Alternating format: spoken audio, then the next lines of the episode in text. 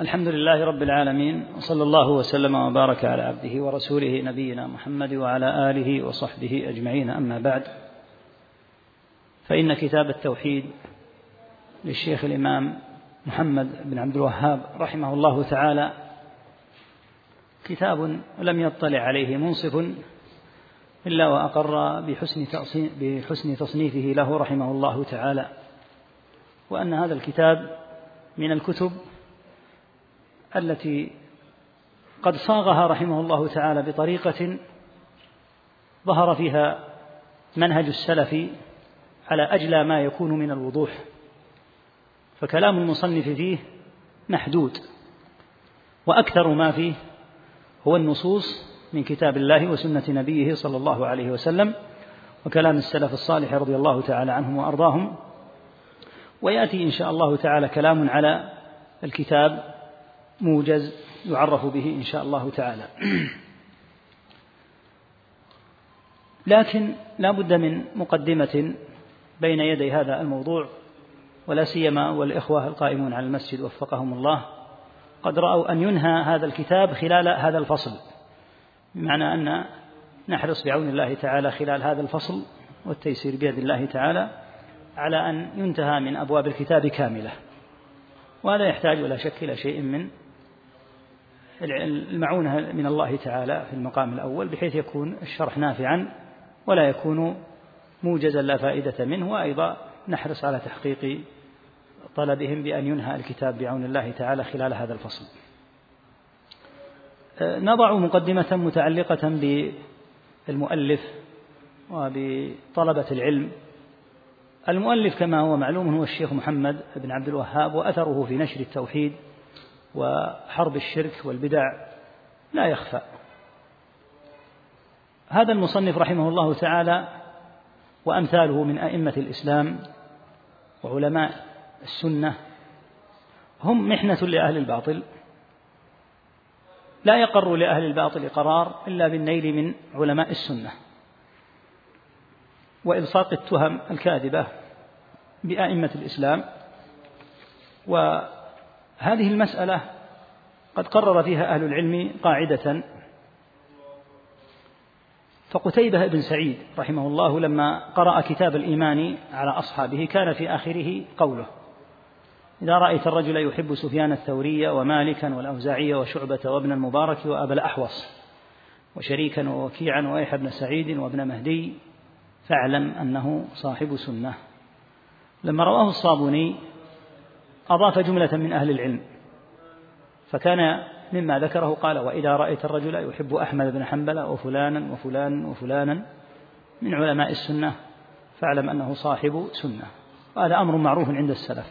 يقولون إذا رأيت الرجل من أهل البصرة يحب أيوب فاعلم أنه من أهل السنة وإذا رأيته يبغض أيوب فاعلم أنه من أهل البدع لأن الله تعالى جعل لهذه السنة أئمة.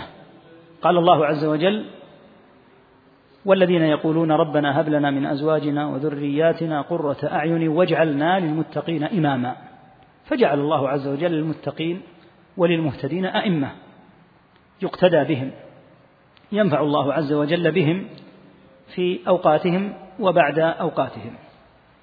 ومن ذلك ما كان عليه هذا الإمام المجدد الشيخ محمد رحمه الله تعالى فقد كان أبرز شيء عنده هو الدعوة إلى التوحيد ولزوم السنة والنهي عن الشرك وحرب الشرك بلا هوادة والبدع والضلالات. فمن جعل هذا الرجل رحمه الله تعالى أو غيره ممن هو أعظم وأجل منه من علماء السنة السابقين جعله موضوعه في الحط عليه والتنفير منه فلا يرتاب في أنه من أهل الضلال وأنه من أهل الزيغ. قد يكون جاهلا فيبصر ويبين كما سيأتي إن شاء الله تعالى في الخصمة التي تقع عن طريق الجهالة وعدم الدراية. هذه تقع. وهذا المسلك أيها الإخوة معلوم أنه باق دائما. فيمكن أن يقول القائل إذا رأيت الرجل مبغضا لأئمة السنة ودعاة التوحيد في هذا الزمن فأعلم أنه صاحب هوى أو جاهل على أسهل أحواله. فمن نصب مثل ابن باز وابن عثيمين رحمهم الله مثلا من دعاة السنة والتوحيد لا يقر له قرار إلا بالحط عليهم والطعن فيهم. فهذا لا يرتاب في أنه من أهل الباطل لأن هؤلاء يدعون إلى السنة ويدعون إلى التوحيد ويحذرون من البدع والضلالات. فكونه يجعل هؤلاء ممن يصوب نحوهم الأسهم حتى ينال منهم. لا شك أن هذا لزيغ فيه هو أو لجهل. يرفع إذا كان صادقا يرفع بتبصيره وتبيين الأمر له.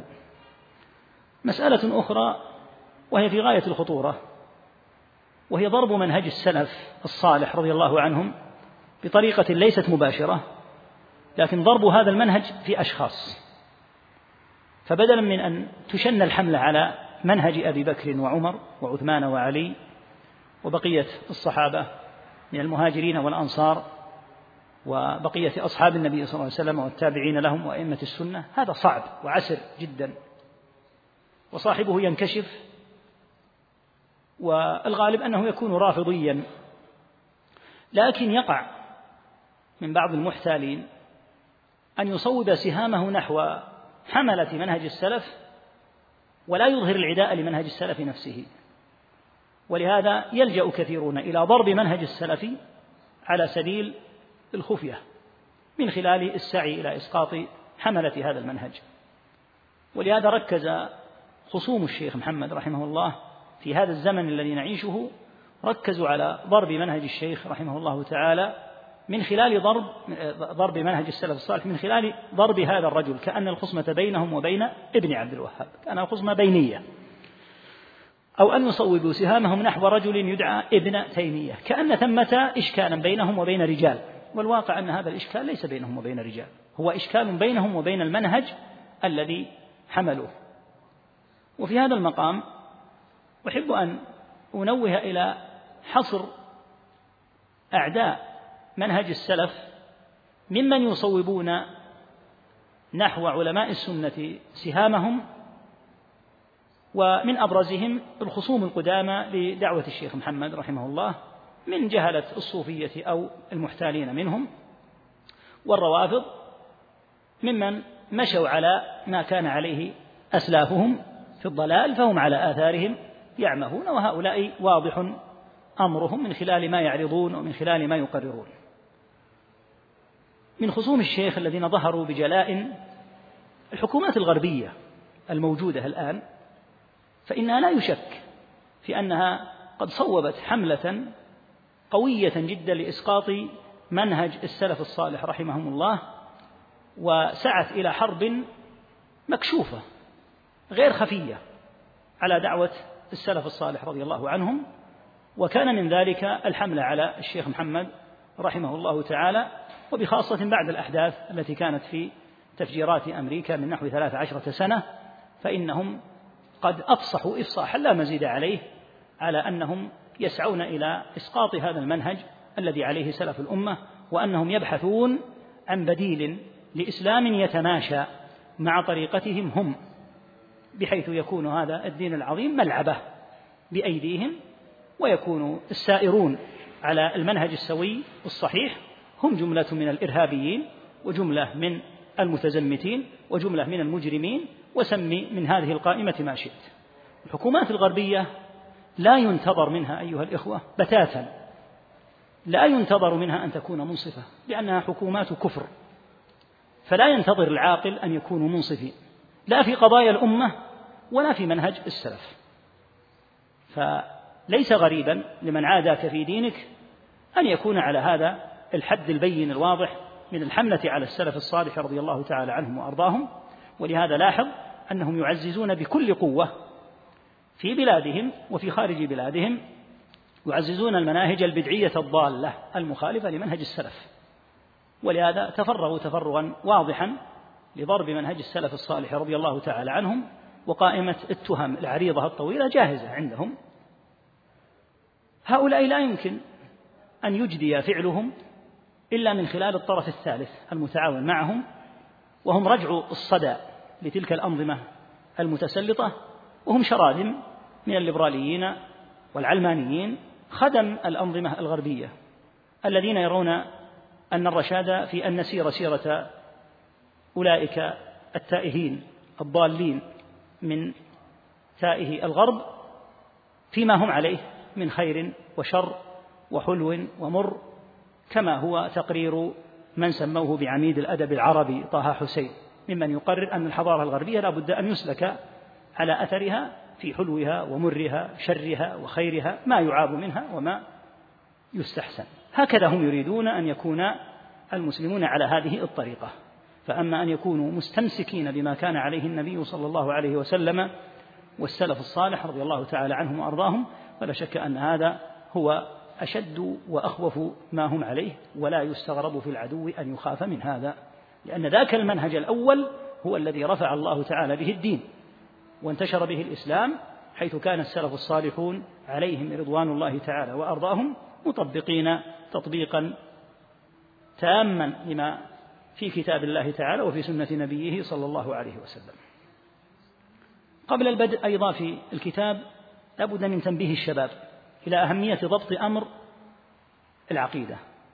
فإن أمر العقيدة هو الأساس ومن الضرورة بمكان أن لا يقرر طالب العلم المسائل العلمية مثلا في الفقه وفي مصطلح الحديث وفي أصول الفقه مع ضعف في الجانب الاعتقادي.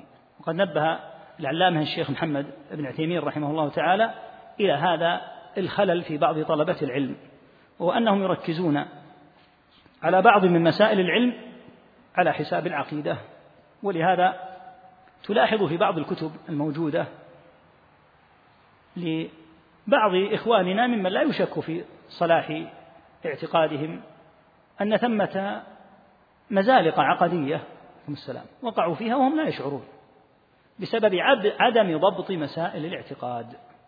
فإن ضبط مسائل فإن ضبط مسائل الاعتقاد كما نبه الشيخ محمد رحمه الله قد فرط فيه بعض طلبة العلم وركزوا على جوانب من المصطلح أو من أصول الفقه أو الأحكام العملية لكن على حساب مسائل الاعتقاد. وهذا في الحقيقة خلل بين وواضح.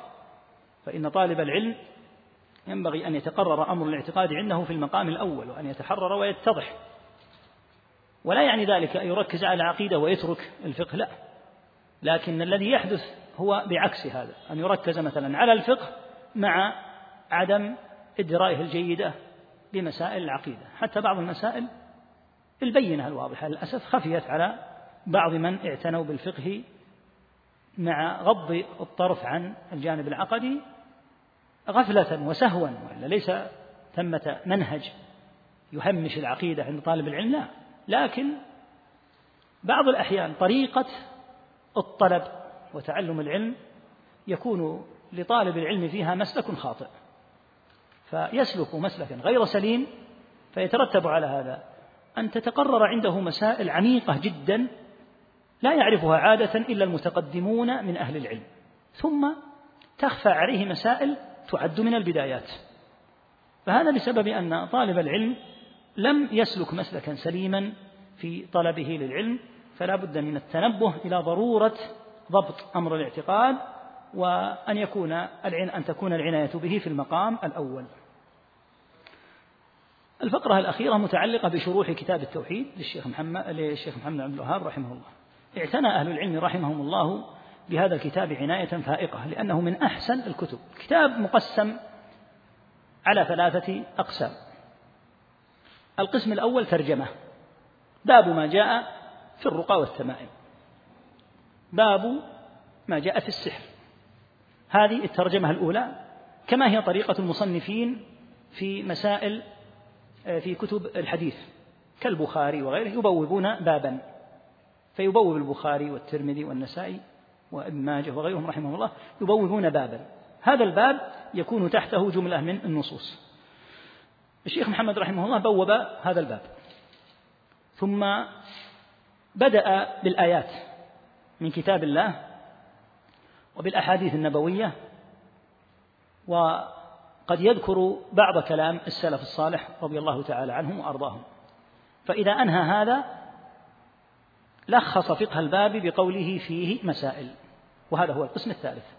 فالكتاب مقسم تقسيما جميلا جدا بالترجمة في أوله ثم سوق النصوص والآثار بعد الترجمة ثم تلخيص فقه هذه الآثار تحت قوله في القسم الثالث فيه مسائل ويذكر مسائل تطول أو تقصر بحسب ما ساق رحمه الله تعالى من هذه الآثار. الشروح متفاوتة فثمة شروح طويلة ومن أطولها شرح الشيخ سليمان بن عبد الله ابن محمد بن عبد الوهاب حفيد الشيخ رحمهم الله وهو تيسير العزيز الحميد. لخصه الشيخ عبد الرحمن بن حسن في فتح المجيد وصار فتح المجيد أشهر عند كثير من طلبة العلم من تيسير العزيز الحميد. مع أن تيسير مع أن فتح المجيد هو تلخيص لتيسير العزيز الحميد. وهكذا شيوخ السنة الغالب أنهم يشرحون كتاب التوحيد فشرحه من علمائنا رحمهم الله كل أحد من أهل العلم كالشيخ عبد العزيز بن باز والشيخ محمد بن عثيمين والشيخ صالح الفوزان والشيخ عبد الرحمن البراك وغيرهم من من توفي الشيخ محمد بن إبراهيم وغيرهم رحمهم الله ممن توفي أو من هو على قيد الحياة أحسن الله لنا ولهم الخاتمة. فهذا الكتاب قد اشتدت العناية به. هذه الشروح منها مطول كما قلنا كتيسير العز الحميد وكذلك يعد من الكتب من الشروح المطولة شرح الشيخ محمد بن عثيمين رحمه الله القول المفيد وهو في الحقيقة من أنسب في نظري من أنسب الشروح لطلاب العلم في هذا الوقت نظرا لسهولة عبارته رحمه الله ونظرا لربط الشيخ رحمه الله كثير من المسائل الموجودة عند الناس بالكتاب بالشرح.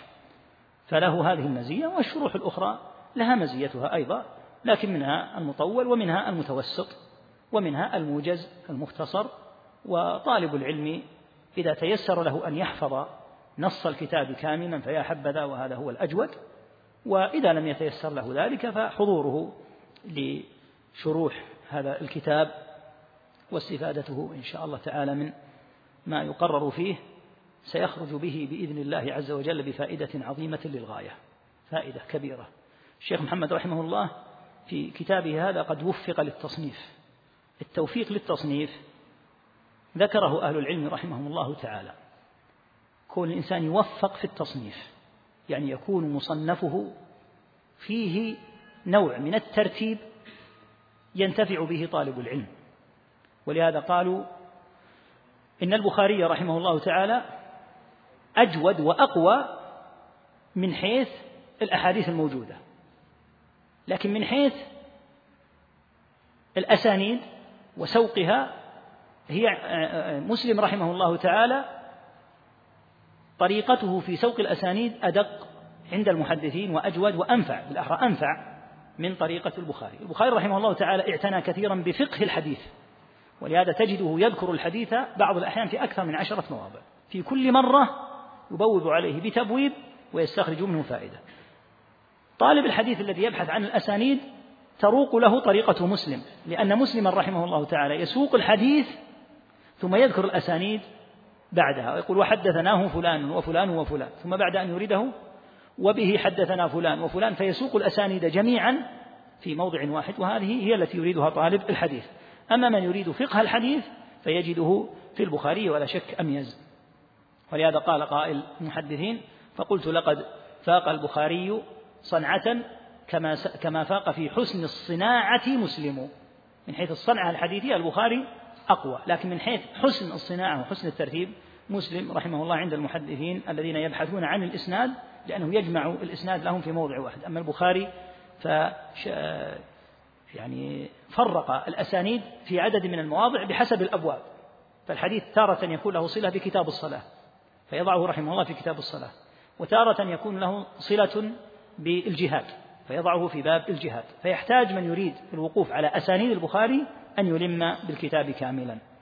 الشيخ رحمه الله وفق في هذا الكتاب كما قلنا إلى هذا الأسلوب الذي ذكرته لك من تقسيم الكتاب هذه الأقسام الثلاثة.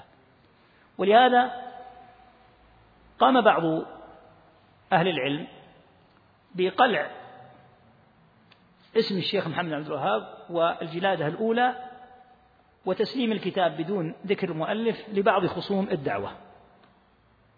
فلما قرأ الكتاب استحسنه وقال هذا كتاب قيم وجيد. فقال هذا كتاب محمد بن عبد الوهاب. فكان هذا من الحاملين على الشيخ محمد رحمه الله بمجرد أن يرى الاسم يترك الاستفادة من الكتاب فتغيرت نظرته نحو الشيخ رحمه الله لأن الشيخ ركز بطريقة دقيقة على ترجمة ونصوص ونقولات ومسائل مستنبطة. فالكتاب ولا شك من أنفس وأنفع الكتب نسأل الله بأسماء وصفاته.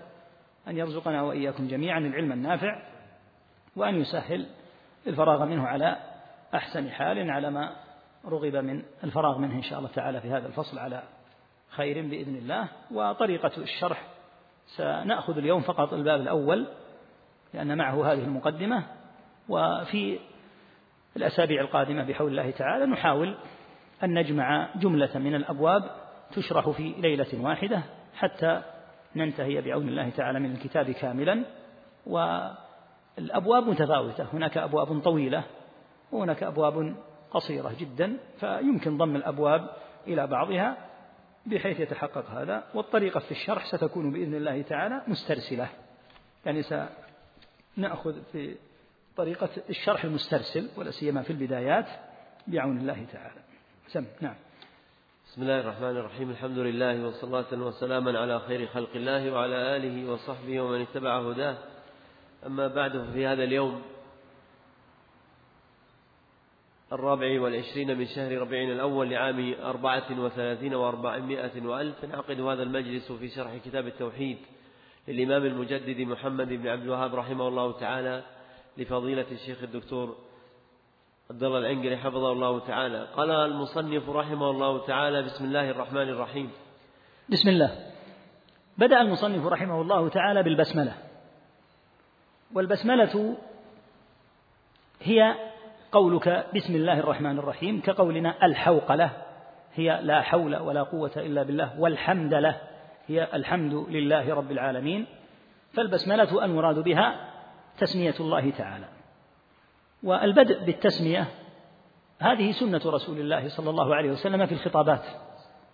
ففي البخاري أنه صلى الله عليه وسلم كتب إلى هرقل بسم الله الرحمن الرحيم من محمد رسول الله إلى هرقل عظيم الروم أما بعد أسلم تسلم أسلم فإن أبيت فإنما عليك إثم الأريسيين. إلى آخر الكتاب. وفي كتاب الله عز وجل أن سليمان عليه الصلاة والسلام كتب إلى ملكة سبأ إنه من سليمان وإنه بسم الله الرحمن الرحيم. ومن البدع والضلالات التي تشبه فيها بعض من قل نصيبه من العلم والعقل البدء بالكتاب دون حمد أو تسمية تأسيا بكفرة الغرب كما هو واقع كثير من الكتب. فلا يذكرون اسم الله تعالى أبدا لا تسمية ولا حمدا. وإنما يبدأون مباشرة في الكتاب على طريقة أولئك. ولا شك أن هذا أمر منكر. ينبغي أن يبدأ إما بالتسمية أو بالحمد والأجدى أن يحمد الله تعالى ويصلى ويسلم على رسوله صلى الله عليه وسلم. في هذه النسخة التي عندكم هي موجود التسمية فقط. لكن يقول الشيخ عبد الرحمن بن حسن في شارح فتح المجيد وقع لي نسخة بخط الشيخ يعني محمد بن عبد الوهاب بدأ فيها بالبسملة وثنى بالحمد والصلاة والسلام على رسول الله صلى الله عليه وسلم. وهذا يبين أن عدم ذكر الحمدلة عندكم هنا قد يكون من صنيع بعض النساخ. وهنا لا بد من التنبيه إلى أمر وهو أن النساخ قد يتساهلون في أمر في البدايات أو في أمر الدعاء لمن ذكر اسمه. فمثلا يمر بهم اسم أحد من الأشخاص فلا يكون المصنف قد ترحم عليه مثلا فيقومون هم بالترحم عليه فيرون أن هذا لا يعد زيادة على الكتاب لأن الغالب أن المؤلف إذا ذكر اسمه يقول رحمه الله. لكن في بعض الأحيان أو يقول رضي الله عنه إذا كان من الصحابة مع قلة الحبر عندهم وصعوبة الأوراق كانوا يرون الاقتصار في بعض الأحيان على على اللفظ دون الكتابة. فيقول مثلا عن عمر ويقول بلسانه يكتب عن عمر ويقول بلسانه رضي الله عنه لأنه يرى أنه مع قلة الأوراق كما قلنا سيما ولا سيما وعدد منهم كان فقيرا رحمه الله من علماء السنة وأئمتها فكان الأوراق كانت الأوراق ليست كالأوراق اللي عندك الآن ليست في الأوراق التي عندك وهكذا الأحبار ليست بسهولة الأقلام التي لديك. فكانوا يختصرون. ولا تلاحظ أن المحدثين اختصروا حتى في صيغة الأداء. فيقولون ثنى فلان. يعني حدثنا. يختصرون حتى الحرفين الأولين لأن كلمة حدثنا كثيرة جدا جدا في الكتاب. حدثنا عبد الله بن يوسف قال حدثنا مالك. قال حدثنا نافع. قال حدثنا ابن عمر. فيرون أنها فهمت وعرفت فصاروا يختصرونها بقولهم مثلا ثنى أو يقولون أنا. أي أنبأنا. فهذا الأمر جعل بعض النساخ يرى أن الأمر سهل ولا شك في سهولته. يعني إذا مر بك اسم النبي صلى الله عليه وسلم فلو كتبت أنت روى البخاري أن النبي وكتبت صلى الله عليه وسلم فهذا حق لا إشكال فيه. ولا يختلف أحد في أن هذا لو لم يوجد مثلا في نسخة البخاري أن البخاري لا يعترض على هذا وأنه صلى على النبي صلى الله عليه وسلم بالتلفظ. لكن يحدث وهذه مسألة يتفطن لها طالب العلم يحدث أن بعض النساخ يضيف كلمة عليه السلام ويخص بها عليا والحسن والحسين وفاطمة وآل البيت رضي الله عنهم أجمعين ولا يذكرها عند أبي بكر وعمر مثلا. فيقول عن علي عليه السلام وإذا جاء لذكر أبي بكر قال عن أبي بكر رضي الله عنه. وهذا التفريق لا وجه له كما بين أهل العلم فإن خص أحد بنوع من الدعاء لا شك أنه يجب أن يكون وفق دليل. فيظن الظان أن البخاري هو الذي قال عليه السلام. قال هذا من صنيع الناسخ. ولهذا تجد في نسخ, في نسخ أخرى أنه لم يكتب عليه السلام. فمثل هذا الأمر مما يتساهل فيه عادة لكن قد يظن الظان أن كلمة عليه السلام من البخاري. فالبخاري رحمه الله وغيره من أهل العلم الغالب أنهم يجعلون الدعاء للصحابة رضي الله عنهم وأرضاهم كما قال تعالى رضي الله عنهم ورضوا عنه. يختارون هذه الكلمة المأخوذة من القرآن فيقولون رضي الله عن علي رضي الله عن أبي بكر رضي الله عن الحسن رضي الله عن عمر دون تفريق. فهذا بمناسبة ذكر أمر التفاوت في النسخ. التسمية في قولك بسم الله الباء هنا متعلقة بمحذوف. إما أن يقدر بفعل وإما أن يقدر باسم. فيكون التقدير بسم الله ابتدائي. فيكون هذا من التقدير بالاسم. قال ابن كثير والخطب في هذا سهل كقوله تعالى بسم الله مجراها أو أن يكون أن تكون الباء متعلقة بفعل. يعني أبدأ بسم الله. الأمر سهل. بسم الله ابتدائي أو أبدأ بسم الله. الأمر في هذا سهل. قال ابن كثير ومنه قوله تعالى اقرأ باسم ربك الذي خلق. فكون الباء متعلقة بالفعل أو متعلقة بالاسم الأمر في هذا سهل إن شاء الله ويسير. الله هو أعظم الأسماء وهو علم على الرب تعالى. ولعظمة هذا الاسم فإن بقية أسماء الله تعالى كما في سورة الحشر أجريت صفات لهذا الاسم كما ذكر ابن كثير رحمه الله في قوله تعالى هو الله الذي لا إله إلا هو عالم الغيب والشهادة هو الرحمن الرحيم هو الله. الذي لا إله إلا هو الملك القدوس السلام المؤمن المهيمن العزيز الجبار المتكبر. هذه أسماء. يقول أجريت هذه الأسماء صفات لاسم الله عز وجل وهذا يدل على أن أعظم الأسماء هو اسم الله تبارك وتعالى. الرحمن الرحيم الرحمن على صيغة فعلان والرحيم على صيغة الفعيل وصيغة الفعلان أكثر وأعم من صيغة الفعيل. قال بعض أهل العلم ولهذا قال تعالى وكان بالمؤمنين رحيما. أما الرحمن فيدل على سعة رحمة الله فهو رحمن الدنيا والآخرة سبحانه وتعالى. نعم. الحمد لله وصلى الله على محمد وعلى آله وسلم. هذا عندك في الكتاب؟ أين؟ إيه معناه لعل هذه النسخة اللي أشار إليها الشيخ رحمه الله. نعم لأن بعض النسخ ما فيها إلا بسم الله الرحمن الرحيم كتاب التوحيد. نعم. كتاب التوحيد. الكتاب على وزن فعال. كتاب على وزن فعال بمعنى مكتوب. أو أنه مجموع من قولهم كتيبة وهي مجموعة من الخيل.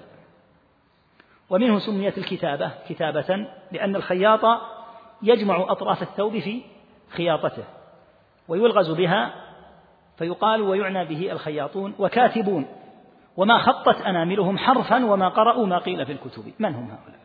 هم كاتبون لكن ما خطت أناملهم حرفا وما قرأوا ما قيل في الكتب. كيف يكونون كاتبين؟ لأنهم خياطين. الخياط يجمع أطراف الثوب بالخياطة فأصل الكتب يطلق تطلق هذه المادة على الجمع ومنه سميت الكتيبة أو أن الكتاب هنا بمعنى المكتوب. هذا كتاب أي مكتوب. في التوحيد. التوحيد لغة مصدر الفعل وحد يوحد توحيدا أي جعله واحدا. هذا من حيث اللغة. ومن حيث الاصطلاح فإن التوحيد من حيث التعريف العام للتوحيد هو إفراد الله بما يختص به. التوحيد من حيث العموم من حيث الكلمة عموم الكلمة إفراد الله بما يختص به. وما الذي يختص الله به؟ يختص بثلاثة أشياء هي الربوبية والألوهية والأسماء والصفات. أما تعريف التوحيد بأنه إفراد الله بالعبادة فالمراد به توحيد الألوهية. ولأن الخصمة الكبرى فيه صار التعريف ينصرف إليه. أما التوحيد من حيث العموم فمعناه إفراد الله بما يختص به الله تعالى والذي يختص الله به هو هذه الأمور الثلاثة. وإليها ينقسم توحيد التوحيد الذي جاءت به الرسل صلى الله عليه وسلم توحيد الربوبية وتوحيد الألوهية وتوحيد الأسماء والصفات. وقد استنكر بعضهم جعل التوحيد أنواعا ثلاثة. واستنكاره في غير محله لأن أنواع التوحيد أخذت من كتاب الله عز وجل. ولو أن هذا المستنكر تدبر في سورة الفاتحة لوجد الأنواع الثلاثة فيها واضحة. فقوله تعالى الحمد لله رب العالمين هذا توحيد الربوبية. الرحمن الرحيم مالك يوم الدين هذا توحيد الأسماء والصفات. إياك نعبد وإياك نستعين هذا توحيد الإلهية. وهكذا قوله تعالى في سورة البقرة. وإلهكم إله واحد لا إله إلا هو هذا توحيد العبادة. الرحمن الرحيم. هذا توحيد الأسماء والصفات. إن في خلق السماوات والأرض واختلاف الليل والنهار والفلك التي تجري في البحر بما ينفع الناس وما أنزل الله من السماء من ماء فأحيا به الأرض بعد موتها وتصريف الرياح وبث فيها من كل دابة وتصريف الرياح والسحاب المسخر بين السماء والأرض لآيات لقوم يعقلون. هذه أفعال الرب توحيد الربوبية. فأنواع التوحيد موجودة في كتاب الله. والقول بأن أول من قالها وذكر هذا التوحيد هو ابن تيمية وأن هذا من بدع ابن تيمية هذا قول من لا يعي.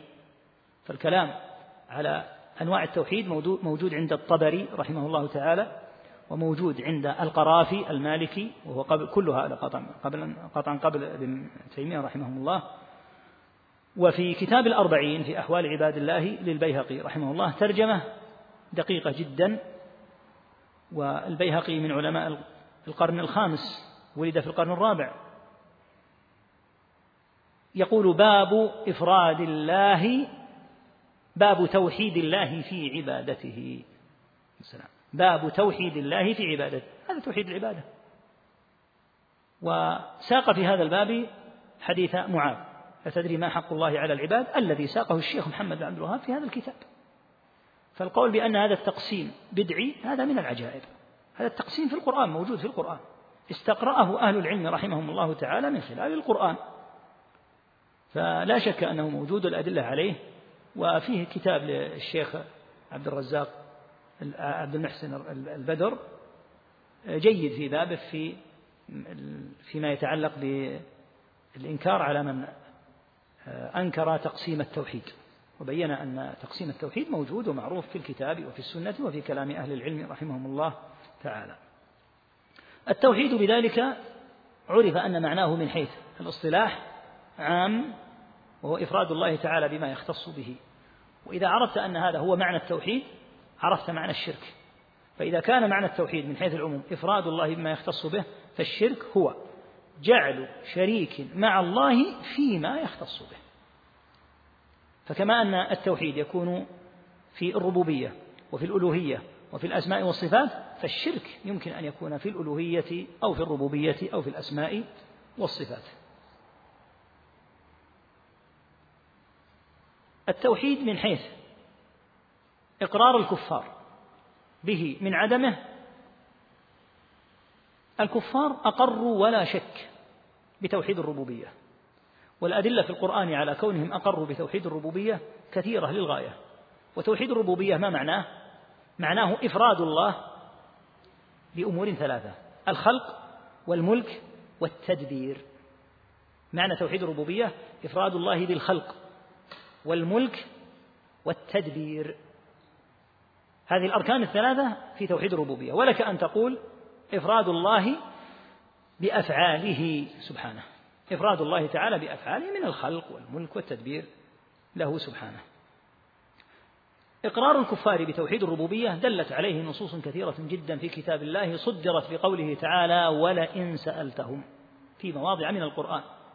ولئن سألتهم من خلقهم ليقولن الله ولئن سألتهم من خلق السماوات والأرض ليقولن الله ولئن سألتهم من خلق السماوات والأرض ليقولن خلقهن العزيز العليم ولئن سألتهم من نزل من السماء ماء فأحيا به الأرض من بعد موتها ليقولن الله. وفيها الآية الجامعة في سورة يونس. قل من يرزقكم من السماء والأرض أمن يملك السمع والأبصار ومن يخرج الحي من الميت ويخرج الميت من الحي ومن يدبر الأمر فسيقولون الله. لا شك أنهم يقرون أن هذا إلى الله تعالى. وهذا يدل على أن الإقرار بتوحيد الربوبية لا يمكن أن يكفي في الحكم بالنجاة للعبد في القيامة أو أنه من أهل الإيمان. وبه تعرف أن من سمى اليهود والنصارى بالمؤمنين قد افترى على الله الكذب. فالنصارى واليهود كفار وهذا هو الإطلاق الشرعي لهم. قال الله تعالى إن الذين كفروا من أهل الكتاب والمشركين في نار جهنم خالدين فيها أولئك هم شر البرية. فكيف يقال في شر البرية؟ الذين قال الله فيهم كفار كيف يقال إنهم مؤمنون؟ هذا لا شك أنه مضاد لكلام الله. أما مجرد إيمانهم بأن الله تعالى هو الرب فمع ما فيه من الخلل أيضا فإنه موجود عند كفار أهل الجاهلية كما سمعت في الآيات. ولئن سألتهم من خلقهم ليقولن الله. فإن كان المقام مقام إقرار بالربوبية فهذا موجود حتى عند كفار قريش. ومع ذلك قاتلهم النبي صلى الله عليه وسلم واستحل دماءهم وأموالهم وحكم بأنهم من أهل النار. فدل على أن كلمة المؤمن لا تطلق على من أقر بالربوبية فقط بل اسمه الشرعي هو الكافر والمشرك. المشرك قد جمع شيئين اثنين أقر بالله وأشرك معه في العبادة. وأهم آية ينبغي أن تركز عليها في بيان هذه المسألة هي قوله تعالى وما يؤمن أكثرهم بالله إلا وهم مشركون وأجزل الله لابن جرير الطبري المثوبة. فقد أحسن غاية الإحسان في بيان معنى الآية. ونقل عن ثمانية من السلف منهم ابن عباس ومجاهد وقتادة وابن زيد وغيرهم. نقل معنى كونهم مؤمنين وفي الوقت نفسه هم مشركون. فنقل عن ابن عباس رضي الله عنهما بسنده أنه قال من إيمانهم إذا قيل من خلق السماوات من خلق الأرض من خلق الجبال؟ قالوا الله وهم مشركون.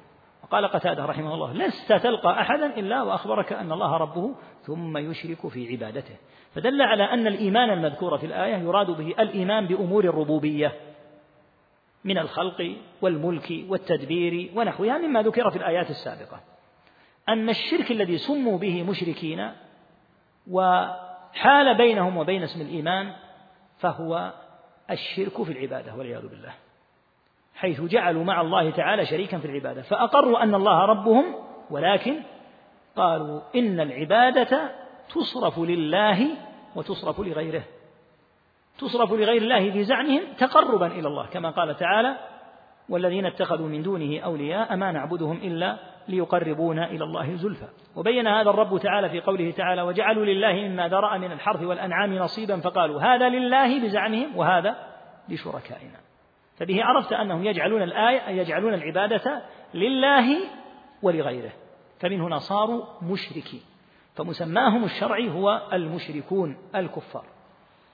ولا يكون الإنسان ولا يصح أن يطلق على أحد المؤمن إلا إذا كان على نهج الإسلام. كما قال تعالى ومن يبتغي غير الإسلام دينا فلن يقبل منه وهو في الآخرة من الخاسرين. فمن لقي الله بغير الإسلام فليس من الناجين بل هو من الخاسرين الهالكين. فلا يكفي الإقرار بالربوبية لأن الإقرار بالربوبية كان عند الكفار موجودا.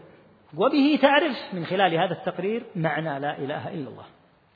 أن لا إله إلا الله ليس معناها مجرد الإقرار بأن الله هو الخالق. لو كان هذا هو معناها لكان الكفار من وثني قريش ونحو لكانوا مؤمنين.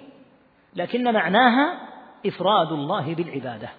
أن لا معبود بحق إلا الله. ولهذا قال تعالى إنهم كانوا إذا قيل لهم لا إله إلا الله يستكبرون ويقولون أئنا لتاركوا آلهتنا لشاعر مجنون؟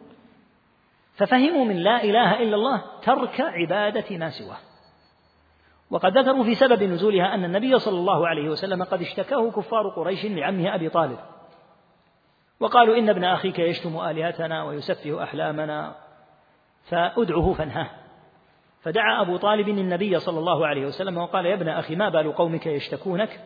قال إني أريدهم على كلمة تدين لهم بها العرب وتدفع لهم بها العجم الجزية. قالوا كلمة واحدة لنعطينكها وأبيك وعشر كلمات. كلمة وينتهي الخصام نعطيك. هذه الكلمة ونعطيك معها عشر كلمات. قال قولوا لا إله إلا الله. فقاموا ينفضون ثيابهم وقالوا أجعل الآلهة إله واحدا. فدل على أنهم يفهمون أن معنى لا إله إلا الله ترك عبادة ما سواه وأنهم أبوا أن يقروا بعبادة الله تعالى وحده لا شريك له. وهكذا قول الله تعالى وإلى عاد أخاهم هودا. قال يا قوم اعبدوا الله ما لكم من إله غيره. ما لكم من إله غيره هي لا إله إلا الله. بما ردوا عليه أجئتنا؟ لنعبد الله وحده ونذر ما كان يعبد آباؤنا. هذا معنى لا إله إلا الله. أن يعبد الله وحده وأن تترك عبادة ما سواه. الحاصل أن الإقرار بالربوبية معروف عند كفار قريش وغيرهم وأنه لا يمكن أن يكون سبيلا للنجاة وحده إلا إذا ضم إليه لازمه وهو الإقرار بتوحيد العبادة. فقول الشيخ رحمه الله كتاب التوحيد يقتضي أن يتكلم عن أنواع التوحيد أما الأسماء والصفات فيتم للعبد الإيمان بها بأن يقر لله تعالى بكل اسم سمى به نفسه أو سماه به رسوله صلى الله عليه وسلم مما ثبت في سنته على ما فهمه الصحابة رضي الله عنهم من نبيهم صلى الله عليه وسلم. بإجراء هذه الأسماء والصفات على حقيقتها اللائقة بالله مع اعتقاد أنها لا تماثل صفات المخلوقين. وفي هذا الآية العظيمة التي هي قاعدة في الأسماء والصفات وهي قوله تعالى ليس كمثله شيء وهو السميع البصير. فأول الآية نفي وآخرها إثبات. فدل على أن حقيقة الإيمان بالأسماء والصفات كما سيأتي في بابه إن شاء الله تعالى أن يثبت لله تعالى ما أثبت لنفسه أو أثبته الرسول صلى الله عليه وسلم لربه مع نفي المماثلة. ليس كمثله شيء وهو السميع البصير. سميع لا كالسامعين بصير لا كالمبصرين وهكذا. عليم لا كالعالمين قوي لا كالأقوياء سبحانه وتعالى وهكذا. فيؤمن العبد بما سمى الله به نفسه صلى الله أو سمى به رسوله صلى الله عليه وسلم ربه. وفي الوقت نفسه يعتقد أن المماثلة منفية عن رب العالمين سبحانه وتعالى فيسلم له بذلك الإقرار بالتوحيد إذا كان هذا مصحوبا بالعمل بحيث يكون إقرارا باللسان واعتقادا بالقلب وعملا بالجوارح. نعم. وقوله تعالى وما خلقت الجن والإنس إلا ليعبدون هذه الآية الأولى ذكر فيها رحمه الله تعالى أول دليل. قوله تعالى قول المصنف رحمه الله وقول الله إما أن يكون بالجر كتاب التوحيد وقول الله أو أن يكون مستأنفا. فتكون الواو هنا استئنافية ما تكون عاطفة. كتاب التوحيد وقول الله تعالى. وما خلقت الجن والإنس إلا ليعبدون. أي ما أوجدت هؤلاء الجن وهؤلاء الإنس إلا لسبب واحد وهو أن يعبد الله تبارك وتعالى. وهذه العبادة اللام هنا في قوله ليعبدون لام التعليل أي ما خلقت الجن والإنس إلا ليعبدوا الله تعالى. هذا هو الحكمة من خلق الجن والإنس. والجن معلوم أنهم عالم غيبي لا نعلم منه إلا ما دلت عليه النصوص والإنس معروف أنهم هؤلاء البشر. قوله إلا ليعبدون فسرت العبادة هنا بالتوحيد. ليعبدون أي ليوحدون. لأن العبادة يمكن أن تقع من المشرك كما كان الكفار يعبدون الله تعالى بعبادات فكانوا يحجون كل سنة. كفار قريش كانوا يحجون كل سنة وكان كثير من أفعال الحج التي ورثوها عن أبيهم إبراهيم عليه الصلاة والسلام موجودة كانت موجودة عندهم وكانوا يتعبدون إلى الله عز وجل. لكن العبادة التي تنفع صاحبها هي العبادة التي تكون من موحد. وأصل العبادة في اللغة الخضوع والتذلل. وتطلق العبادة تارة على عملك أنت وهو خضوعك وتذللك. وتارة تطلق على الأمر الذي أوجبه الله تعالى كالصلاة فنقول الصلاة عبادة وخضوعك وتذللك عبادة فإذا صليت الصلاة بخضوع وتذلل تحقق أنك تذللت لله وهذا تعبد بعبادة هي الصلاة. فالله تعالى إنما خلق الجن والإنس لعبادته سبحانه وتعالى. ولم يخلقهم تعالى لعبادته لاحتياجه إليهم. لهذا قال في بقية الآية قال تعالى بقية الآية وما خلقت الجن والإنس إلا ليعبدون ما أريد منهم من رزق وما أريد أن يطعمون. فالله لم يخلق هؤلاء الخلائق ليتقوى بهم من ضعف أو ليستكثر بهم من قلة حاشاه سبحانه وتعالى. ولكنه خلقهم لأمر ينفعهم هم. وما خلقت الجن والإنس إلا ليعبدون ما أريد منهم من رزق وما أريد أن يطعمون. ولهذا ثبت في الحديث القدسي الذي رواه مسلم أن الرب تبارك وتعالى يقول يا عبادي لو أن أولكم وآخركم وإنسكم وجنكم كانوا على أتقى قلب رجل واحد منكم ما زاد ذلك في ملكي شيئا. يا عبادي لو أن أولكم وآخركم وإنسكم وجنكم كانوا على أفجر قلب رجل واحد منكم ما نقص ذلك من ملكي شيئا. فالله تعالى لن تنفعه العبادة كما لن تضره المعصية. ولهذا قال أيضا في بقية الحديث القدسي يا عبادي إنكم لن تبلغوا ضري فتضروني ولن تبلغوا نفعي فتنفعوني. فالعبادة نفعها عائد إلى العبد. والله سبحانه وتعالى خلق هذا العبد وسخر له ما سخر في هذا الكون ليتفرغ لعبادة الله تبارك وتعالى. ولكن أكثر الناس ينشغلون عن هذه العبادة حتى من المسلمين للأسف. فتجد أنه ينشغل بدنياه عما لأجله خلق. وتتبدى هذا في صور مثل التفريط في الصلاة.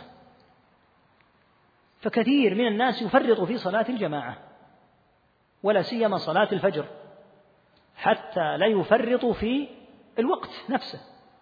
فلا يصلي الفجر إلا إذا قام للعمل. فإذا قام للعمل بعد أن خرج وقت الفجر صلى وإذا كان يوم إجازة فإذا قام من نومه صلى. الله ما خلقك إلا لعبادته وما أمدك بما أمدك به من السمع والبصر والفؤاد وأنواع النعم إلا لتستعين بها على طاعته. ولهذا جاء في الحديث إنما جعلنا المال لإقام الصلاة وإيتاء الزكاة. المال ما جعل حتى ينشغل به الإنسان. ثم إذا قيل له لماذا ما صليت قال والله أنا مشغول. مشغول بماذا؟ مشغول بالمال.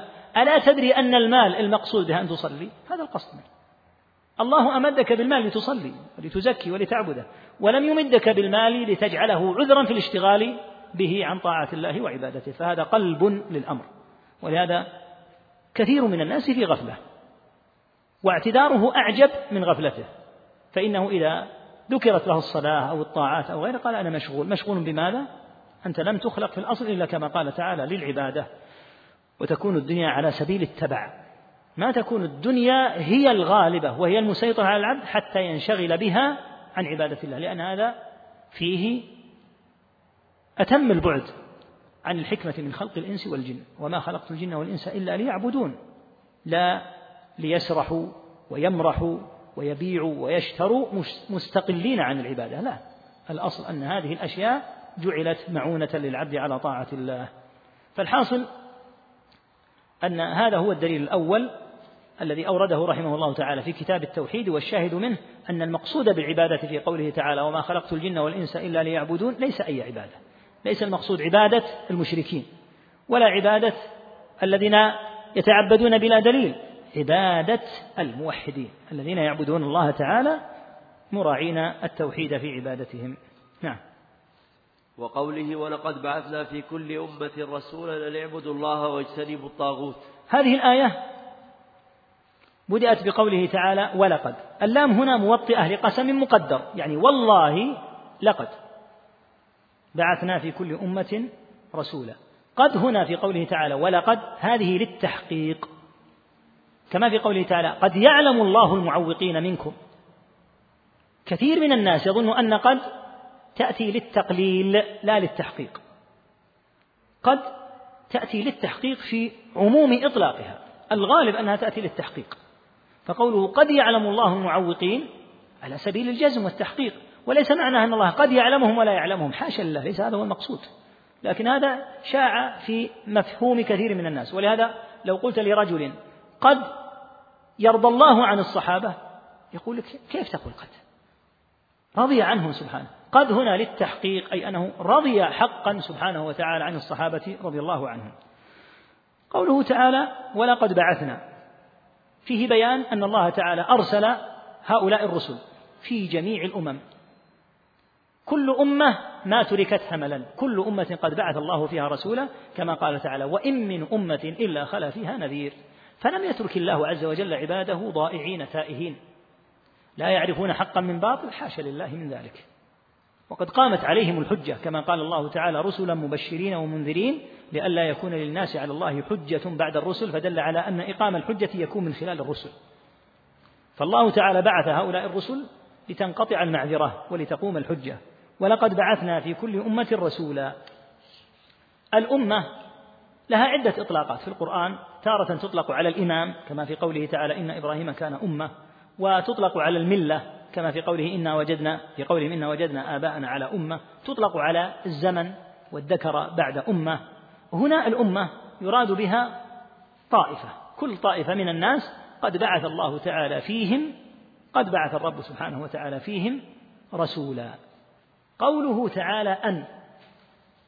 أن هنا تسمى التفسيرية. ضابط أن التفسيرية أن تكون مسبوقة بما يدل على القول وليس فيها حروف القول. يعني لا تقول في اللغة أقول لك أن تعمل كذا. لا ما تجتمع. ما تجتمع. أقول مع أن. لأن إذا وجدت حروف القول أقول لك اعمل كذا.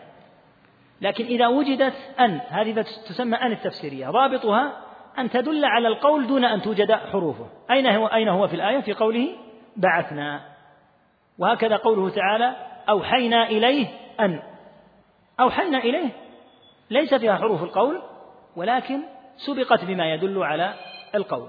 ولقد بعثنا في كل أمة رسولا أن. أن هنا فسرت ما الذي بعثت به الرسل. بعثت الرسل مجتمعين من أولهم إلى آخرهم عليهم الصلاة والسلام على هذا الأمر الذي لا يختلف فيه أي من الرسل وهو إفراد الله بالعبادة وترك عبادة ما سواه. أن اعبدوا الله أي وحدوه وحده لا شريك له واجتنبوا الطاغوت. وهذه الآية من الآيات التي تبين معنى كلمة لا إله إلا الله لأن معنى لا إله إلا الله من القرآن علم شريف. كما ذكرنا في الآيات السابقة في الآيتين السابقتين. مما يبين معنى لا إله إلا الله هذه الآية لأن لا إله إلا الله مكونة من نفي وإثبات من هذين الركنين. أن اعبدوا الله هذا هو الإثبات إلا الله. واجتنبوا الطاغوت هذا هو النفي في قولك لا إله. فهذا الذي بعثت به الرسل جميع الرسل صلى الله عليه وسلم متفقون. فعقيدة محمد صلى الله عليه وسلم ونوح وإبراهيم وهود وصالح وشعيب وآدم والجميع في هذا واحدة. وبه تعرف أن العقيدة متفق عليها عند عند جميع الرسل وأنه لا يمكن أن يأتي رسول لينسخ عقيدة رسول قبله. النسخ يكون في الأحكام فقط يكون أمرا مباحا في شريعة ثم يحرم في شريعة. أو يكون أمرا محرما في شريعة ثم يباح في شريعة. أما العقيدة فهذه لا تنسخ. فلا يأتي نوح ليطلب إلى الناس أن يعتقدوا كذا. ثم يأتي هود فيقول لا تعتقدوا ما ذكره نوح هذا محال. ولهذا يقول ابن القيم رحمه يقول النبي صلى الله عليه وسلم الأنبياء إخوة لعلات دينهم واحد وأمهاتهم شتى.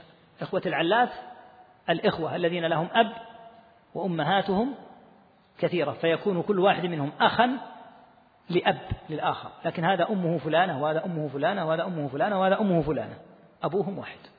هؤلاء هم إخوة العلات. دينهم واحد وهو التوحيد. وأمهاتهم شتى وهي الشرائع.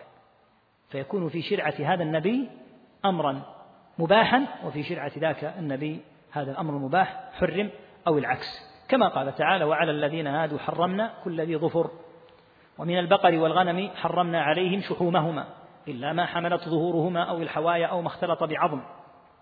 أين هذا في ديننا؟ هذا غير محرم. هذا محرم على من قبلنا لأنه عقوبة لهم. قال تعالى ذلك جزيناهم ببغيهم وإنا لصادقون. فكان هذا من العقوبة. ومن الآثار التي جعلت عليهم عقوبة لهم. لكن هذه الأمة ليست هذه الأمور محرمة عليها وهكذا. إذا به نعلم أن الرسل صلى الله عليه وسلم متفقون في أمر العقيدة. ولهذا قال ابن القيم رحمه الله فالدين في التوحيد دين واحد لم يختلف منهم عليه اثنان. دين الإله اختاره لعباده ولخلقه هو قيم الأديان فمن المحال بأن يكون لرسله في وصفه خبران مختلفان. يعني مثلا في صفة الله ما يأتي نبي ليصف الله عز وجل بوصف ويأتي نبي آخر لينفي هذا الوصف. هذا محال. لأن العقيدة واحدة. ولهذا من تبع موسى في زمن موسى نجا لأن عقيدته قطعا سليمة كعقيدة من كان على دين محمد صلى الله عليه وسلم.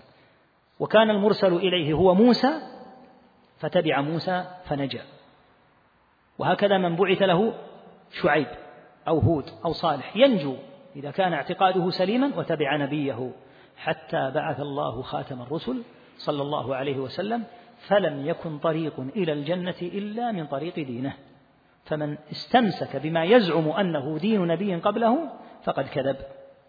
لأن الأنبياء قبل محمد صلى الله عليه وسلم قد أخذوا على أممهم العهد إن بعث الله محمدا صلى الله عليه وسلم أن يتبعوه. فمن كفر بمحمد صلى الله عليه وسلم وادعى أنه على دين نبي قبله فإنه كافر بالنبي الذي يدعي الانتساب إليه مع كفره بمحمد. ولهذا قال تعالى كذبت قوم نوح المرسلين. مع أنه ما بعث لهم إلا نوح لأن من كذب نبيا فقد كذب البقية. فالحاصل أن الرسل صلى الله عليه وسلم متفقون على عبادة الله وحده وترك الطاغوت. الطاغوت ما المراد به؟ حده ابن القيم رحمه الله تعالى بقوله الطاغوت كل ما تجاوز به العبد حده من معبود أو متبوع أو مطاع. يعني إذا كان هذا المعبود أو المتبوع أو المطاع راضيا يعني يتجاوز أمر الله عز وجل فيه على هذا النحو. فهذا يسمى طاغوتا.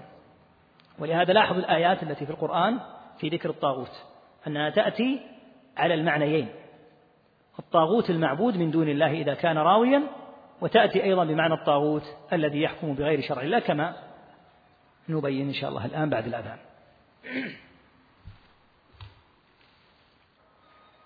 قوله عز وجل أن اعبدوا الله واجتنبوا الطاغوت هذا هو الذي قلنا إن الرسل بعثت به جميعا عليهم صلاة الله وسلامه. وعبادة الله المقصود بها كما تقدم العبادة الخالصة التي لا يجعل مع الله عز وجل فيها شريك. واجتنبوا الطاغوت الطاغوت كما تقدم في حد ابن القيم له وأصل الطاغوت من الطغيان وهو تجاوز الحد. ولهذا قال الله تعالى إنا لما طغى الماء حملناكم في الجارية. من الآيات التي ذكر فيها الطاغوت بمعنى المعبود من دون من دون الله قوله تعالى فمن يكفر بالطاغوت ويؤمن بالله فقد استمسك بالعروة الوثقى. وهذه أيضا من الآيات المبينة لمعنى لا إله إلا الله. من الآيات المبينة لمعنى لا إله إلا الله هذه الآية. فمن يكفر بالطاغوت هذا هو القيد هذا هو الركن الأول لا إله. ويؤمن بالله هذا هو الركن الثاني إلا الله. فقد استمسك بالعروة الوثقى فدل على أن الاستمساك بالعروة الوثقى التي هي لا إله إلا الله لا يكون إلا لمن حقق الأمرين. عبد الله مخلصا وكفر بما يعبد من دونه تبارك وتعالى. ومن الآيات التي ذكر فيها الطاغوت بمعنى من حكم بغير شرع الله عز وجل قوله تعالى ألم تر إلى الذين يزعمون أنهم آمنوا بما أنزل إليك وما أنزل من قبلك يريدون أن يتحاكموا إلى الطاغوت. ولهذا التحاكم إلى غير الشرع بنص القرآن تحاكم إلى الطاغوت. فلا يجوز أن يحكم غير شرع الله عز وجل. فمن تحاكم إلى غير شرع الله فقد تحاكم إلى الطاغوت. فكلمة الطاغوت تارة يطلق بها المعبود يراد بها المعبود من دون الله وتارة يراد بها تحكيم غير غير شرع الله. فالحاصل مما تقدم أن هذه الكلمة الطاغوت هكذا اشتقاقها وأن الرسل جميعا عليهم الصلاة والسلام بعثوا بمنع عبادة غير الله وإفراد الله تعالى وحده بالعبادة. نعم. قوله عندكم في بعض النسخ الآية. الآية هنا مثلا يقول قوله تعالى في سورة البقرة الله لا إله إلا هو الحي القيوم ثم يغلق القوس ويقول الآية. يعني أكمل الآية. ولهذا يقول الله لا إله إلا هو الحي القيوم الآية بالنصر لأن المراد أكمل الآية. أو أن المراد أنها منصوبة بنزع الخافض أي إلى آخر الآية الخافض اللي هو الجر. نعم. وقوله وقضى ربك ألا تعبدوا إلا إياه وبالوالدين إحسانا إما يبلغن عندك الكبر أحدهما أو كلاهما فلا تقل لهما أف ولا تنهرهما. وقل لهما قولا كريما واخفض لهما جناح الذل من الرحمة وقل رب ارحمهما كما ربياني صغيرا. الشاهد هنا أول الآية وهو قوله تعالى وقضى ربك ألا تعبدوا إلا إياه. قضى القضاء تارة يكون شرعيا وتارة يكون كونيا. المقصود هنا في الآية القضاء الشرعي. قضى الرب سبحانه أي شرع لعباده ألا يعبدوا سواه سبحانه وبحمده. وقضى ربك ألا تعبدوا إلا إياه. فلا يجوز أن يعبد إلا الله وحده لا شريك له. وهذه الآية كالآيات السابقة في إفراد الله تعالى بالعبادة. وقضى ربك ألا تعبدوا إلا إياه. فهنا حصر. ولهذا تلاحظ دائما أن الآيات يذكر فيها جانب الحصر وعند ذكر الشرك يذكر فيها النفي المطلق لأي شريك لأي معبود كما سيأتي إن شاء الله في الآية بعدها. إذا الرب تعالى شرع ووصى أن لا يعبد أحد إلا إياه وحده لا شريك له. أما بقية الآيات الآية من ذكر الوالدين ونحن لا شك المقام مقام مهم أن يذكر لكن لما كنا نحرص على ذكر الشواهد من النصوص سنركز بإذن الله تعالى على وجه الشاهد هنا وهو قوله وقضى ربك ألا تعبدوا إلا إياه. نعم. وقوله واعبدوا الله ولا تشركوا به شيئا. نعم. قل تعالوا أتلوا ما على هذه؟ قوله تعالى واعبدوا الله ولا تشركوا به شيئا. فيها نفس ما ذكرنا في السابق. واعبدوا الله هذه إلا الله في كلمة التوحيد. ولا تشركوا به شيئا هذه الركن الأول. لا إله. لا تشركوا هي قولك في كلمة التوحيد لا إله. فلا تشرك بالله عز وجل أي إله, أي إله آخر. إلا الله اعبدوا الله أي مخلصين له الدين. كما قال الله تعالى عن إبراهيم وإذ قال إبراهيم لأبيه وقومه إنني براء مما تعبدون إلا الذي فطرني. براء مما تعبدون هذه هي هذا هو الركن الأول في قولك لا إله. إلا الذي فطرني هذا هو الركن الثاني في قولك إلا الله. واعبدوا الله ولا تشركوا به شيئا. تقدم الكلام على الشرك لكن لاحظ هنا أن قوله تعالى شيئا نكرة في سياق النهي. والنكرة في سياق النهي أو الشرط تعم أي شيء. فقوله تعالى ولا تشركوا به شيئا أي لا تشركوا به أي شيء آخر لا ملك لا ملكا ولا نبيا ولا جنا ولا حجرا ولا شجرا ولا أي شيء. فلهذا تلاحظ في هذه الآيات وفي نظائرها أنه عندما ينفى الشريك أنه يؤتى فيه بلفظ يدل على عموم المعبودات من دون الله. وقد يخص الله عز وجل بالنهي عن العبادة بعض المعبودات لأن بعض الناس قد يزعم أن لعبادتها وجها ولهذا قال تعالى ولا يأمركم أن تتخذوا الملائكة والنبيين أربابا. أيأمركم بالكفر أيأمركم بالكفر بعد إذ أنتم مسلمون؟ فدل على أن عبادة الأنبياء وعبادة الملائكة كفر بنص الآية. فكيف بعبادة غيرهم من باب أولى؟ الحاصل أن الآيات فيها تعميم النهي عن الشرك. ولا تشركوا به شيئا أي لا تشركوا به أي شيء سواه تعالى. نعم. قل تعالوا واتل ما حرم ربكم عليكم ألا تشركوا به شيئا وبالوالدين إحسانا. ولا تقتلوا أولادكم من إملاق نحن نرزقكم وإياهم. ولا تقربوا الفواحش ما ظهر منها وما بطن ولا تقتلوا النفس التي حرم الله إلا بالحق ذلكم وصاكم به لعلكم تعقلون. ولا تقربوا مال اليتيم إلا بالتي هي أحسن حتى يبلغ أشده. وأوفوا الكيل والميزان بالقسط لا نكلف نفسا إلا وسعها. وإذا قلتم فاعدلوا ولو كان ذا قربى وبعهد الله أوفوا. ذلكم وصاكم به لعلكم تذكرون. وأن هذا صراطي مستقيما فاتبعوه ولا تتبعوا السبل فتفرق بكم عن سبيله.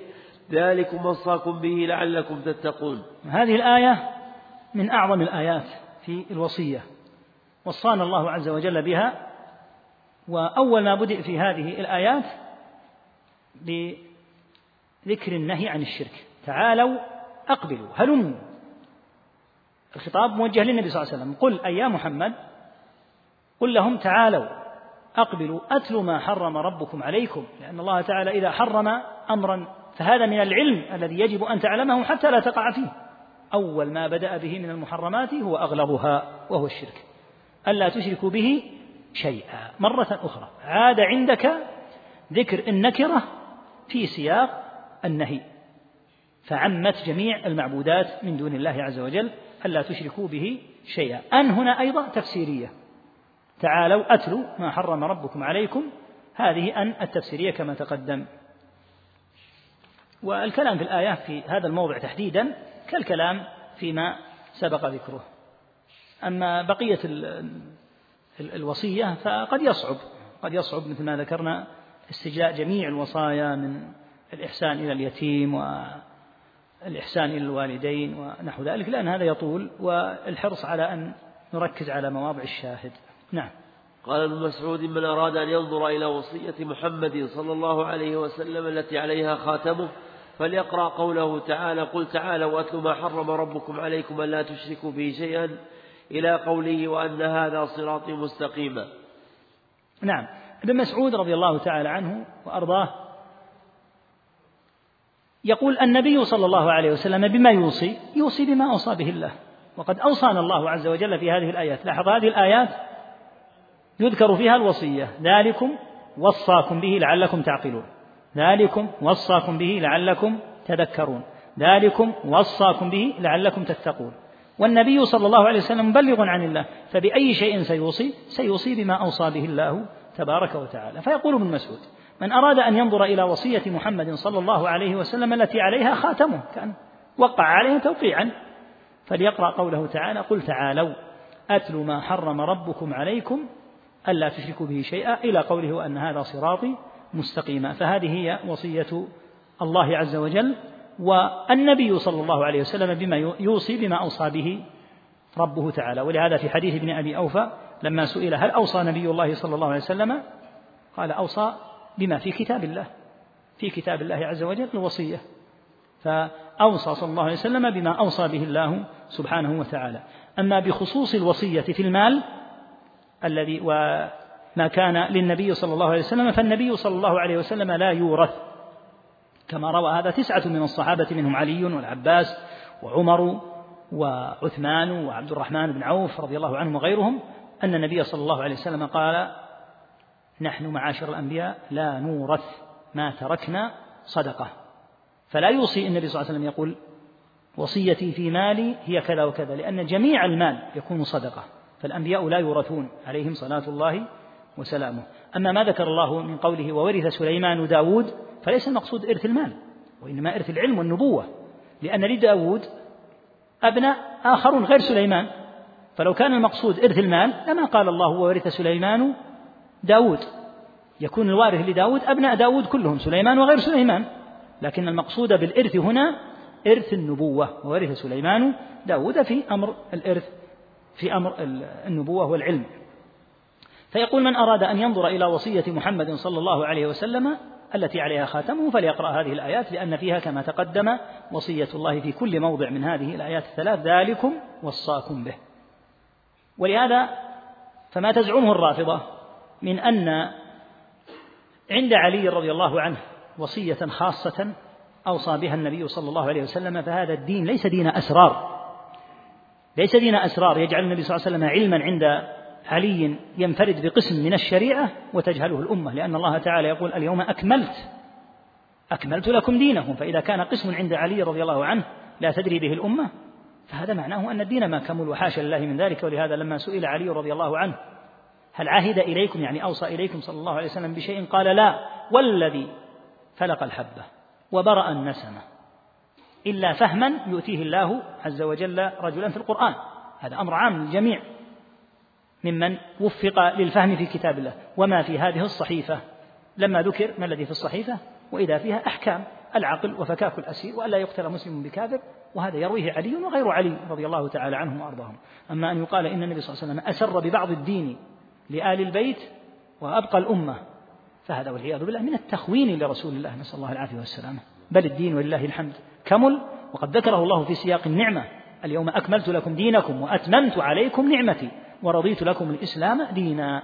فلهذا هذه الآية من أعظم الآيات يفرح بها من أعظم ما يفرح به المؤمن من الآيات أنه على دين قد كمل وقد رضيه الله تعالى. فإذا قيل ثمة قسم لا يعرفه أحد إلا فلان وفلان فمعنى ذلك أن الدين ما كمل وحاشا لله تعالى من ذلك وحاشا رسول الله صلى الله عليه وسلم الذي بلغ البلاغ المبين من أن يكون قد فعل هذا. وقد ثبت في صحيح مسلم أنه صلى الله عليه وسلم قال وأنتم تسألون عني فما أنتم قائلون. يعني في القيامة ستسأل الأمة عن البلاغ. قالوا نشهد أنك قد بلغت وأديت ونصحت عليه الصلاة والسلام. بلغ كل شيء فأشار بأصبعه إلى السماء وقال اللهم اشهد. يعني اللهم اشهد عليهم ثلاث مرات. نعم. وعن معاذ بن جبل رضي الله عنه قال كنت رديف النبي صلى الله عليه وسلم على حمار فقال لي يا معاذ أتدري ما حق الله على العباد وما حق العباد على الله؟ قلت الله ورسوله أعلم. قال حق الله على العباد أن يعبدوه ولا يشركوا به شيئا وحق العباد على الله أن لا يعذب من لا يشرك به شيئا. قلت يا رسول الله أفلا أبشر الناس؟ قال لا تبشرهم فيتكلوا أخرجاه في الصحيحين. إذا قال أخرجاه فالمقصود البخاري ومسلم رحمهما الله. هذا الحديث الحديث يرويه معاذ رضي الله عنه يقول كنت رديف النبي صلى الله عليه وسلم الرديف هو الذي يركب خلف المتقدم فيكون الحمار أو البعير يركبه واحد أو اثنان فالمتقدم له صدر المركب. والرديف هو الذي يكون خلفه. ولا بأس بالارتداف على الدابة إذا كانت تطيق وتتحمل. الدابة القوية تتحمل. أن يرتدف عليها أن تردف عليها آخر وربما ثالثا إذا كانت قوية ونشيطة.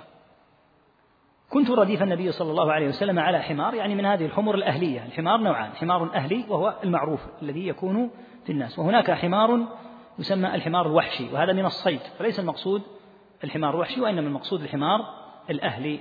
يسمى الحمار الإنسي الذي يكون عند الناس يستعملونه. فقال صلى الله عليه وسلم أتدري ما حق الله على العباد؟ هذا من التعليم بصيغة السؤال. من أنواع التعليم التعليم بصيغة السؤال أن تسأل ثم تبلغ العلم بعد ذلك. وفي بعض الروايات أنه صلى الله عليه وسلم كرر هذا على معاذ ثلاث مرات. كل مرة يسأل معاذا. هذا السؤال أتدري ما حق الله على العباد؟ وما حق العباد على الله؟ فأجاب معاذ رضي الله عنه بقوله الله ورسوله أعلم. قوله الله ورسوله أعلم هذه الكلمة تقال زمن النبي صلى الله عليه وسلم لا إشكال لأن الرسول صلى الله عليه وسلم أعلم من جميع البشر لكن بعد أن توفى الله نبيه صلى الله عليه وسلم. هل يقال الله ورسوله أعلم؟ أما في الأمور الكونية والواقعية كأن يقال هل وقع على شمال البلد مطر فلا يجوز أن يقول أحد الله ورسوله أعلم وإنما يفرد, يفرد الله تعالى فيقول الله أعلم. لأن علم الغيب ليس للنبي صلى الله عليه وسلم. فالنبي صلى الله عليه وسلم لا يدري هل أمطرت الجهة الشمالية أو لم تمطر هل جاء فلان تقول الله أعلم. ما تقول الله ورسوله أعلم لأن النبي صلى الله عليه وسلم لا يدري هل جاء فلان أو لا. ولهذا ثبت عنه عليه الصلاة والسلام أنه إذا ذيد أناس من أمته عن حوضه يقول عليه الصلاة والسلام أصحابي أصحابي فيقال إنك لا تدري ما أحدثوا بعدك. إنهم لم يزالوا مرتدين على أعقابهم منذ فارقتهم فأقول كما قال العبد الصالح وكنت عليهم شهيدا ما دمت فيهم فلما توفيتني كنت أنت الرقيب عليهم وأنت على كل شيء شهيد. والمقصود بهؤلاء الذين ارتدوا بعد أن توفي النبي صلى الله عليه وسلم كالذين رفضوا أداء الزكاة وقالوا سنصلي بلا زكاة وهذا نوع من المرتدين. وكالذين صدقوا بعض المتنبئين كالذين صدقوا بعض من ادعى النبوة فهؤلاء كانوا زمن النبي صلى الله عليه وسلم. الظاهر منهم الظاهر منهم أنهم كانوا مسلمين لكنهم بعد أن تنبأ من تنبأ أطاعوه وصدقوه فكانوا مرتدين. ومن هؤلاء أصحاب طليحة الأسدي. من بني أسد فإنه بعد أن توفي النبي صلى الله عليه وسلم ادعى النبوة. فصدقوه النبي صلى الله عليه وسلم كانوا في زمنه الظاهر منهم أنه أنه من أصحابه فلما كفروا وارتدوا صاروا من غير أصحابه فهذا معنى قوله أصحابي أصحابي. وليس المقصود قطعا الأصحاب المؤمنون كأبي بكر وعمر وعثمان وعلي رضي الله عنهم وأمثالهم قطعا. هؤلاء ليسوا لأن هؤلاء هم الذين قاتلوا المرتدين. فقال حق الله على العباد كما تقدم في الآيات. ولاحظ مرة أخرى هذا هذه الصيغة. أن يعبدوه ولا يشركوا به شيئا. هذا هو حق الله تعالى وهو أعظم حق على الإطلاق وهو الذي لأجله خلق الله عز وجل الإنس والجن. فالواجب أن لا يقدم على هذا الحق أي شيء وأن تترك التجارات تترك الأهواء تترك الطرائق الطبائع الأذواق الأمزجة تترك. إذا خالفت شيئا فيه ما يتعلق بعبادة الله عز وجل بل تقدم العبادة على كل شيء. فهذا الحق واجب. أما قوله وحق العباد على الله هذا الحق الذي صار للعباد على الله. من الذي فرضه على الله؟ الله تعالى هو الذي يجعل الحق على نفسه. فهذا الحق حق تفضل تفضل الله به وجعله حقا عليه. أما أن يكون مثل حق العباد على الله مثل حق الله على العباد فحاشا لله من ذلك. حق حق الله على العباد حق وجوب. من الأعظم الأعز سبحانه وتعالى على الضعيف المسكين المخلوق. أما حق العبد المسكين هذا العبد لا يستطيع أن يفرض على الله حقا لنفسه. فالله هو الذي جعل هذا الحق على نفسه. حق العباد جعله حقا سبحانه وتعالى. وهكذا الوعد. الوعد إذا وعد الله عز وجل فهو وعد تفضل. وهكذا التحريم. لا يستطيع العبد أن يحرم على الله تعالى فلا يقول يحرم على الله الظلم إلا إذا حرمه هو سبحانه على نفسه. ولهذا في الحديث إني حرمت الظلم على نفسي. فهكذا الحق الحق والواجب يوجب الله على نفسه وليس العباد هم الذين يوجبون على أنفسهم. ما حق العباد على الله؟ حق العباد على الله أن لا يعذب من لا يشرك به شيئا. وهذا اللفظ أن لا يعذب من لا يشرك به شيئا لا شك أنه يفهم في, سو في, في سياق النصوص الأخرى. فمن لقي الله تعالى غير مشرك به مجتنبا للكبائر وللصغائر فهذا لا يعذب برحمة الله وفضله. ومن لقي الله عز وجل غير مشرك موحد لكن لقيه بالكبائر أو بظلم الناس فأمره إلى الله. إن شاء تعالى عذبه وإن شاء عفى عنه كما قال تعالى إن الله لا يغفر أن يشرك به ويغفر ما دون ذلك لمن يشاء. فكونه لا يعذب هذا إذا شاء. أن لا يعذب من لا يشرك به شيئا ممن يلقى الله تعالى إما أن يلقاه سالما من ظلم نفسه وظلم غيره ومن الظلم الأكبر وهو الشرك فهذا يدخل الجنة بلا حساب ولا عذاب. أما من لقي الله تعالى وقد تلبس بشيء من المعاصي فإنه تحت مشيئة الله إن شاء عفى عنه وإن شاء عذبه. قال معاذ رضي الله عنه أفلا أبشر الناس؟ وهذا فيه استحباب التبشير بالخير. فالأمر الذي يجلب لأخيك المؤمن الأنس والفرح والسعادة. يستحسن أن تبشره به وأن تكون البشارة على يديك. ففي قوله أفلا أبشر الناس يريد أن يبادر وأن يجعل البشارة منه عليه رضوان الله.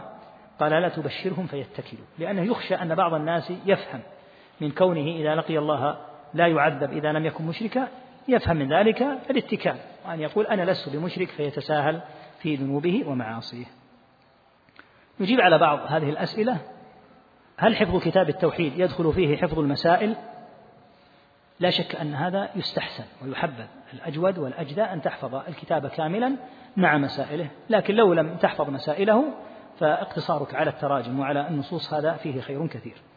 يقول إذا اقتصرت على الكتب التالية هل تراها كافية؟ في باب العقيدة لمعة الاعتقاد لابن قدامة العقيدة الواسطية لابن تيمية العقيدة الطحاوية مع شرح ابن أبي العز كتاب التوحيد الإمام المجدد. نقول يا أخي الأمور لا تكون هكذا. يحدد طالب العلم موقعه هل هو مبتدئ؟ فإذا كان مبتدئا فعنده الأصول الثلاثة عنده القواعد الأربع قبل هذه. ثم بعد ذلك يعني يرى الكتب الأخرى بشيء من التدرج. ثم أمر مهم للغاية كتب العلم ليست جرائد وليست صحف. يأخذ الواحد كتاب ويقرأها ويقرأ الكتاب. بعض الأحيان يسيء الفهم ويعرف المسألة بطريقة معكوسة ولهذا لا بد أن تقرأ الكتب هذه على أحد من أهل العلم مشروحة وبحمد الله الشروح موجودة وأهل العلم متوافرون ولله الحمد أيضا تسجيلات. أهل العلم في شروح هذه الكتب موجودة بحمد الله ومتاحة الآن بعدما يسر الله هذه الوسائل الحديثة فتستطيع أن تجد شرح ابن باز وإن لم تكن أدركته رحمه الله. شرح ابن عثيمين وإن كان مات قبل أن آه، تدركه.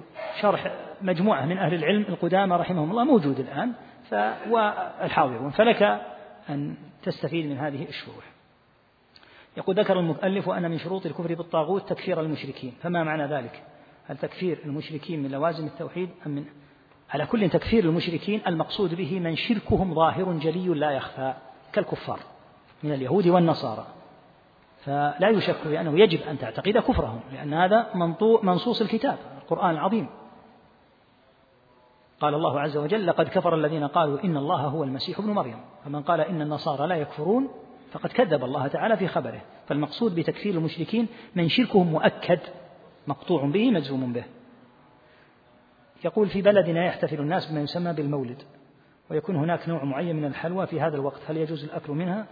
رغم أني أعلم أن الاحتفال بالمولد من البدع الحديثة. ما دام أنك تعرف أنه من البدع لماذا تأكل؟ كون من البدع معلوم أنه لا يشهد الزور والذين لا يشهدون الزور. ولك أن تأكل من هذه الحلاوة ونحوها في غير هذه المناسبة لأنك تعينهم على هذا. ولنا محاضرة من نحو الشهر في موضوع المولد النبوي والدليل على كونه مبتدعا مخترعا. يقول بعض الناس يهاجمون علماء الجرح والتعديل ويقولون فلينشغل كل بنفسه ولا يتبعون عورات النساء وسقطات العلماء. ما الغاية من علم الجرح والتعديل؟ إذا أخطأ داع إلى الله أو عالم في مسألة هل يبدع؟ هل يجوز الأخذ من المبتدع ما يصح فيه؟ أولا هذا السؤال طويل الذيول وعلم الجرح والتعديل أصله تبيين حال المحدث الذي يروي الحديث عن النبي صلى الله عليه وسلم هل هو موثوق؟ أو ليس بموثوق هل هو ضابط للحديث أو ليس بضابط للحديث؟ هذا هو المقصود. فإن كان الأخ يقصد بالجرح والتعديل يعني جرح الناس وتعديله وتعديلهم الآن فإن كان المقصود بهذا فإن كان المجرح من أهل العلم الذين يجرحون إذا جرحوا أو يعدلون إذا عدلوا وفق قواعد الشرع لا وفق الهوى فنعم هؤلاء هم شهداء الله عز وجل في أرضه. هم الذين يخبرون أن هذا عنده بدعة وهذا على سنة وهذا جاهل وهذا عالم. فالسؤال يعني يحتمل الحقيقة يحتمل هذا ويحتمل هذا. أما كلمة ينشغلون لو انشغل أهل العلم عن هؤلاء لنشر هؤلاء بدعهم وضلالاتهم وشرهم وفسادهم ولم يعرف الناس هذا وتورطوا به. وهذا من خيانة الأمانة التي أوجبها الله. التي أوجب الله أن تؤدى. فيختلف الحال. يعني السؤال بمثل هذا ينبغي أن يضبطه طالب العلم. وأن يحدد ما المقصود بالجرح والتعديل. يسأل الأخ هل ترك الصلاة كفر؟ الصحيح الذي عليه جمهور المحدثين كما نقله محمد بن نصر وهو المعروف عن الصحابة رضي الله تعالى عنهم وأرضاهم وهو الذي عليه المحققون من أهل العلم أن ترك الصلاة كفر. هذا هو الصحيح. وهو الذي كان صلى الله عليه وسلم يعمله. كان صلى الله عليه وسلم كما في البخاري إذا غزا قوما أمهل فإن سمع أذانا وإلا أغار. إذا أتى الجيش استمعوا. هل أذنوا؟ فإن أذنوا فهم مسلمون. إذا ما أذنوا فالظاهر من حالهم أنهم من أهل الكفر. لا شك أن ترك الصلاة كفر. هذا هو الصحيح. والله أعلم. وصلى الله وسلم على محمد وآله وصلى الله